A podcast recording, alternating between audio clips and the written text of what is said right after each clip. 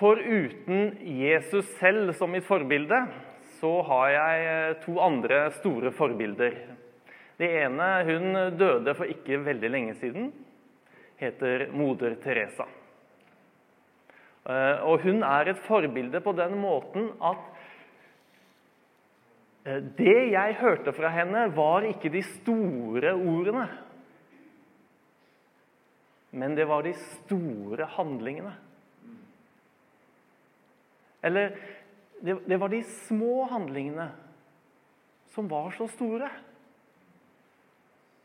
Og så har jeg ett forbilde til, eh, særlig fra min ungdomstid, da jeg ønsket å være ung og radikal. Det er Mahatma Gandhi. Som sto opp imot voldsmakten. Ikke med vold. Nei, men med ikke-vold. Med kjærlighetshandlinger. Og så har jeg lest en historie om at det kom en, en del kirkeledere fra Europa. Eh, og de var helt over seg gitt over de store folkeskaren som samlet seg om ham, og den store entusiasmen som var rundt den bevegelsen som han sto i spissen for. Så spurte de Mahatma Gandhi om de hadde noe råd til dem. For hjemme i Europa, der gikk jo folk flest kirke og katedral forbi. Ikke det helt store engasjementet. Har du noe råd til oss, Gandhi? Og da svarte Gandhi helt genialt. Dere må lukte bergprekenen.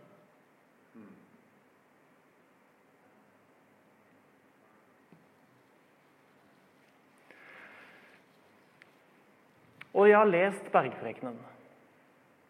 Og mitt liv er så langt fra det. Mitt liv er så langt fra Jesus. Mitt liv er så langt fra moder Teresa. Ja, til og med hedningen Gandhi.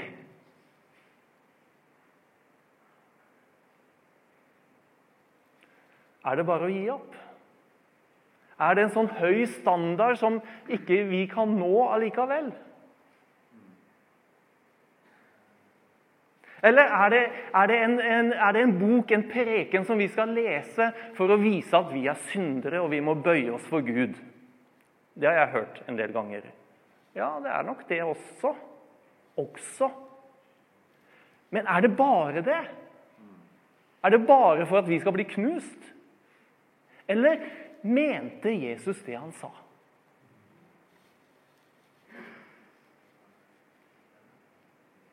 Og så denne eh, flotte teksten vi leste fra Jesaja 55. Eh, hvor, hvor, hvor, Jesaja sier at eh, synderen må vende om og slutte med de onde gjerningene og gjøre gode gjerninger.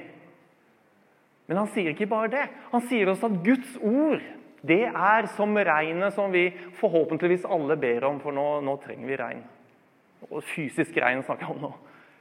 Men Guds ord er som regnet som faller ned fra himmelen. Som utfører det det er sendt for, og det vender ikke tomt tilbake. Sånn er Guds ord. Det vender ikke tomt tilbake. Og jeg tenkte kanskje er det håp for meg.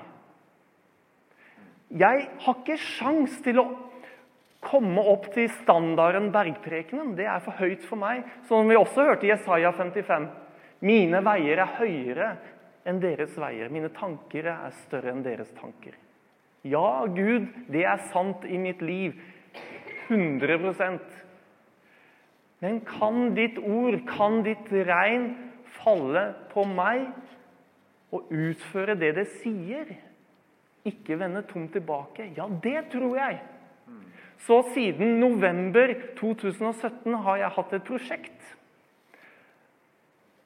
Kan, jeg tror nok jeg må fortsette veldig mye lenger.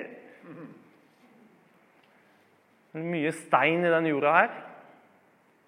Men det prosjektet er å la regnet falle på meg hver dag. Hvilket regn? bergprekenregnet. Så en gang om dagen så prøver jeg å få det til. Får det ikke alltid til, men stort sett så får jeg det til. Eh, jeg har prøvd litt forskjellige muligheter. På morgenen, på do. Men det er, det er enklest på kvelden når jeg skal legge meg. Så leser jeg gjennom bergprekenen. Det tar ca. ti minutter. Så det er ikke noe vanskelig. Leser bergprekenen med en liten bønn. 'Herre, kan du være så snill å påvirke meg?' Og det er det. Så leser jeg gjennom bergprekenen om god natt, og forhåpentligvis sover jeg godt.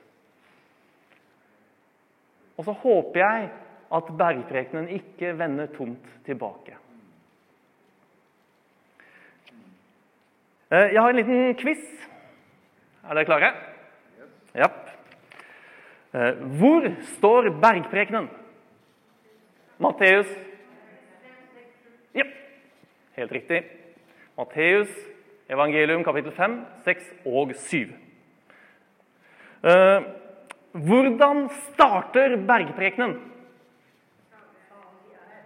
Ja, selve prekenen, men hvis vi tar, nå mente jeg ja, jeg var litt upresis. Hvordan starter Matteus 5 liksom helt i begynnelsen? Der. Da Jesus så folkemengden det, det, er litt interessant. Da Da Jesus så folkemengden, hva gjorde han da? Nei, han satte seg ikke. Ja, da Jesus så folkemengden Jeg hadde jo vært sånn He-he, nå endelig er de her. Nå skal jeg stå her. Må du høre her. Men nei, Jesus trakk seg vekk og gikk opp i fjellet. Og disiplene samlet seg om ham. Ok. Eh, hvordan slutter bergprekenen? Da mener jeg Matteus 7. Hvordan slutter og det er noen som jukser her, hører jeg.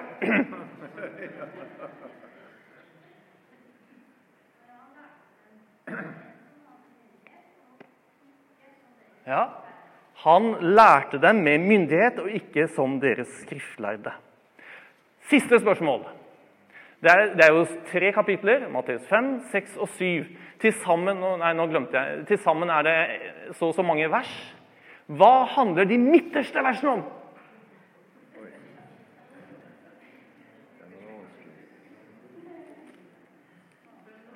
Ja, det handler om bønn. Og De midterste versene er disse to. Matteus 6, vers 7 og 8.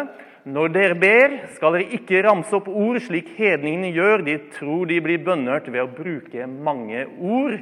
Vær ikke lik dem, for dere har en far som vet hva dere trenger, før dere ber ham om det. Så de midterste versene handler om bønn. Og Nå skal vi ikke ha noe om det. Hvor pleier dere å bruke mange ord når dere ber? Vi skal ikke ta den. Eh, bergprekenen er som sagt tre kapitler i Matteus evangeliet. Hva er bergprekenen egentlig? Jo, jeg tror at det er et, et sammendrag av Jesu forkynnelse. Det kan godt hende at Jesus faktisk satte seg på berget og hadde denne prekenen. Men mest sannsynlig så er bergprekenen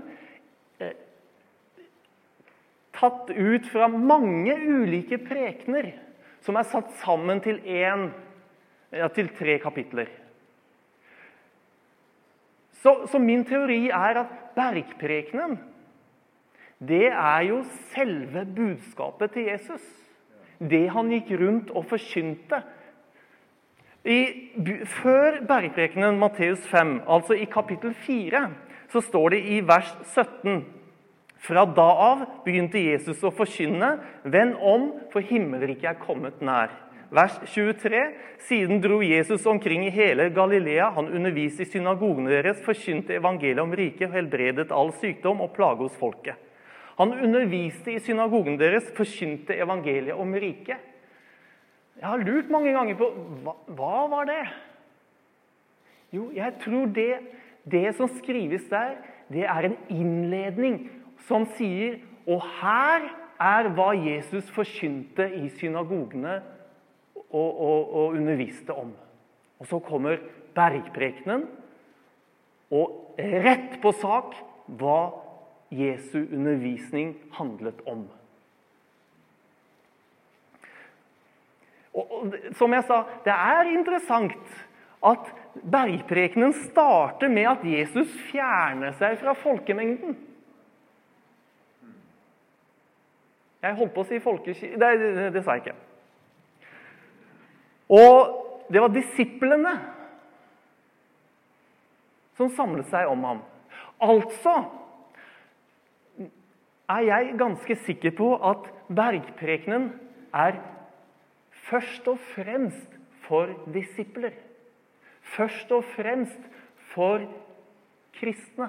Først og fremst for de troende. Og som det startet, Selve prekenen begynner jo med 'salige'. Salige. Salig betyr jo lykkelig.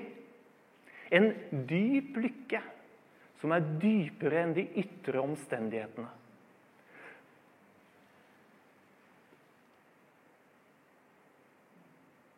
Jeg tror dette handler om deg. Jeg tror dette handler om meg. Dette handler om hvem vi som kristne egentlig er. Har dere lagt merke til det at det er lett å glemme hvem vi er? Vi leser alskens aviser og ser alskens TV-serier og hører alskens musikk. Og så tror vi plutselig at ja, det er sånn jeg er. Nei, det er sånn du er. Det er bare det at vi har glemt det. Hvordan kan jeg si det? Jo, fordi Jesus sier 'lykkelige er de, for himmelriket er deres'. De skal trøstes. De skal arve jorden. De skal mettes. De skal få barmhjertighet. De skal se Gud. De skal kalles Guds barn. Stor er lønnen dere har i himmelen, sier Jesus. Kan det være andre enn de som er frelst? Nei. Hvem er frelst? Er du frelst? Tror du på Jesus? Ja, dette er deg. Hvordan ser du egentlig ut? Hvordan er du egentlig?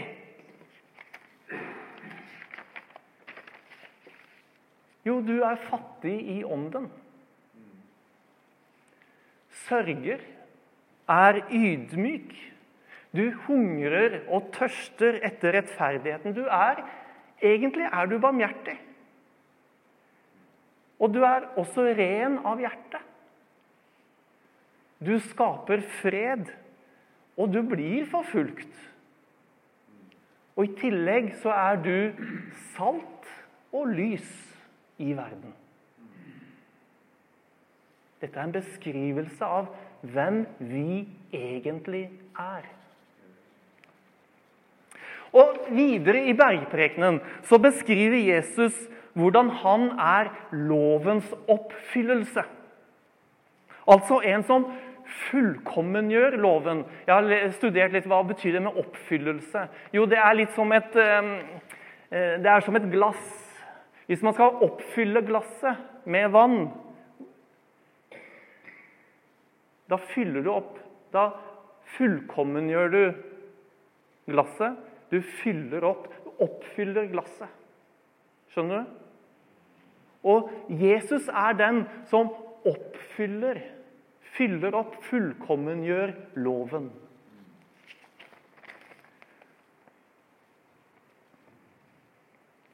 Han fjerner ikke loven. Nei, han gjør den dypere. Han gjør deg mer fullkommen. Og, og, Loven, sånn som Jesus beskriver det, handler ikke først og fremst om det ytre, det vi kan dømme hverandre på. Det handler om hjertet og dine indre holdninger. Til hvem da? Jo, til dine medmennesker og til Gud. Kapittel 6 handler særlig om det indre livet. Den utdyper det. Og som vi så, det er der det handler om bønn. Og så står det Og din far som ser i det skjulte, skal lønne deg. Akkurat den setningen blir gjentatt tre ganger i Matteus 6. Og din far som ser i det skjulte, skal lønne deg. Og så kommer kapittel 7, som er, egentlig er den som jeg skal ha om i dag. Den starter med de kjente ordene i sine fem første avsnitt. Døm ikke. Gi ikke hundene det hellige. Be, så skal dere få. Alt dere vil at andre skal gjøre mot dere, det skal også dere gjøre mot dem. Gå inn gjennom den trange porten. Og nettopp det sistnevnte Gå inn gjennom den trange porten. For vi er den port, og bred er den vei som fører til fortapelsen. Og mange er de som går inn gjennom den. Men trang er den port, og smal er den vei som fører til livet. Og få er de som finner den. Jeg tror at de versene eh,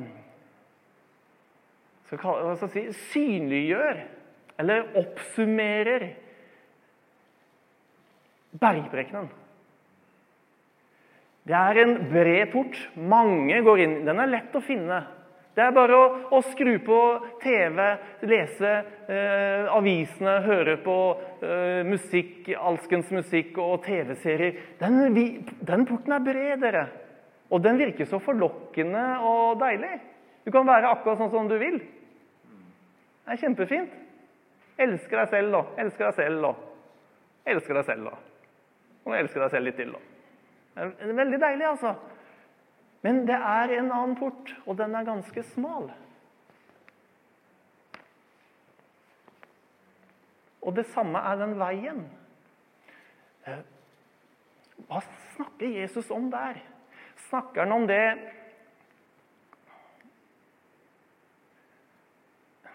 snakker han om det at eh, ja, som vi hørte om litt tidligere, at vi må bøye kne for Jesus og gi vårt liv til ham. Ja. Og så går vi hjem, og så hva da? Ja, det var et herlig møte, dere. Fikk jeg møte Jesus?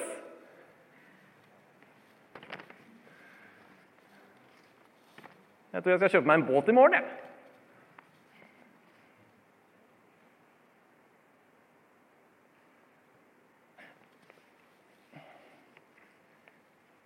Nei, jeg, jeg, Jesus snakker om en vei. Hva gjør man med en vei? Ser på den og syns den er fin. Det var en spennende vei, dere. Nei, man, man går på den. Den er, den er, veldig kronglete, og den er veldig smal. Det er lett å falle av. Og når man faller av, som jeg gjør mange ganger, da, da, sier jeg til Jesus, 'Herre, nå falt jeg av igjen.' Jeg tror jeg fortsetter å falle av, jeg. Det er så gøy å falle av. Og så er det sånn bred vei her borte. Nei. Da, da, sier jeg til Jesus at 'nå falt jeg av, det var gærent', og jeg faller av mange ganger. Jeg vender meg til deg igjen, jeg, Jesus. Og så går jeg sammen med deg på denne smale veien. Jeg prøver en gang til.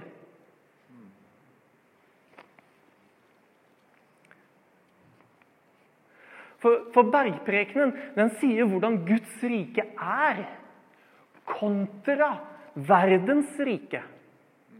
Den sier hvordan du som en troende, en, en, som tilhører Jesus, en som følger Jesus, hvordan du er kontra de som ikke gjør det.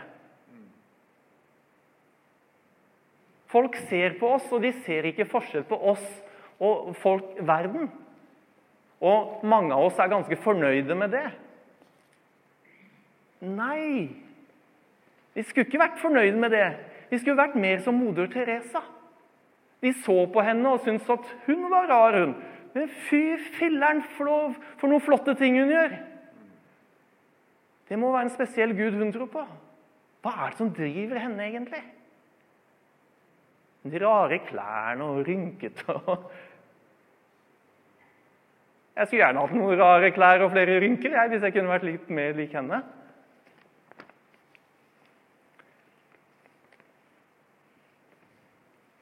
Og så advarer Jesus menigheten gjennom tre eksempler.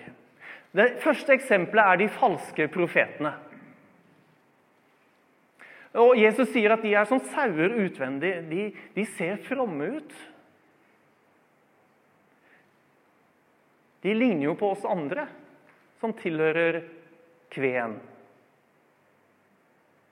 Men innvendig er de glupske ulver.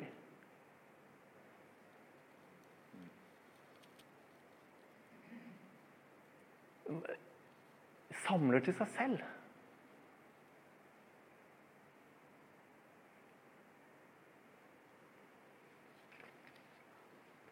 Moder Teresa hun, jeg hørte en historie, hun fikk en stor pott med penger pga. arbeidet. Hadde hun vært en glupsk ulv, så hadde det kanskje gått til en flott bil eller et jetfly, kanskje. Hva gikk det til? Ja, nå har vi ikke det her. Det gikk til et nattverdskalk. Og kanskje vi kan være uenige i det, men det var en kjærlighetshandling til Jesus. Hadde hun vært en glupsk ulv, det hadde ikke vært noen, eh, hadde ikke vært noen sånn kalk, det. Og så er neste eksempel de falske disipler. Og de har en rett bekjennelse. De sier 'Herre, Herre'. Er ikke det en rett bekjennelse? Jo, Herre, Herre, har ikke vi profetert ved ditt navn? Gjort store, mektige under og gjerninger ved ditt navn? Så sier Jesus, 'Jeg kjenner dere ikke. Gå bort fra meg, dere som gjør urett.' Urett kontra rett. Verdens vei kontra Guds vei, den smale vei.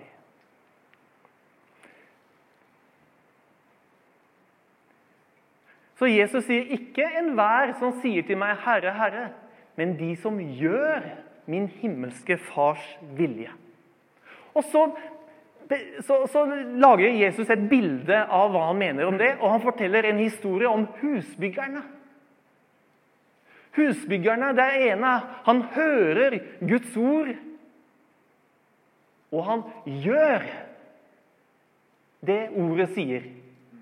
Og det huset det står trygt på fjell. Den andre, han hører Guds ord. Det var det. Det huset står på sand.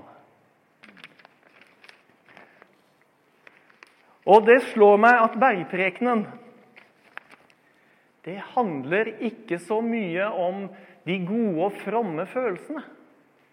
Eller de gode og rette ordene eller bekjennelsene. Det handler om å gå praktisk på den smale veien. Kjærlighetsveien.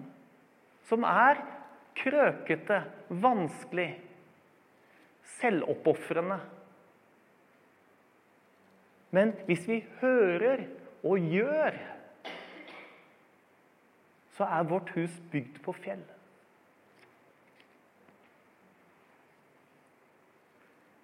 Og da tenker jeg Er dette umulig?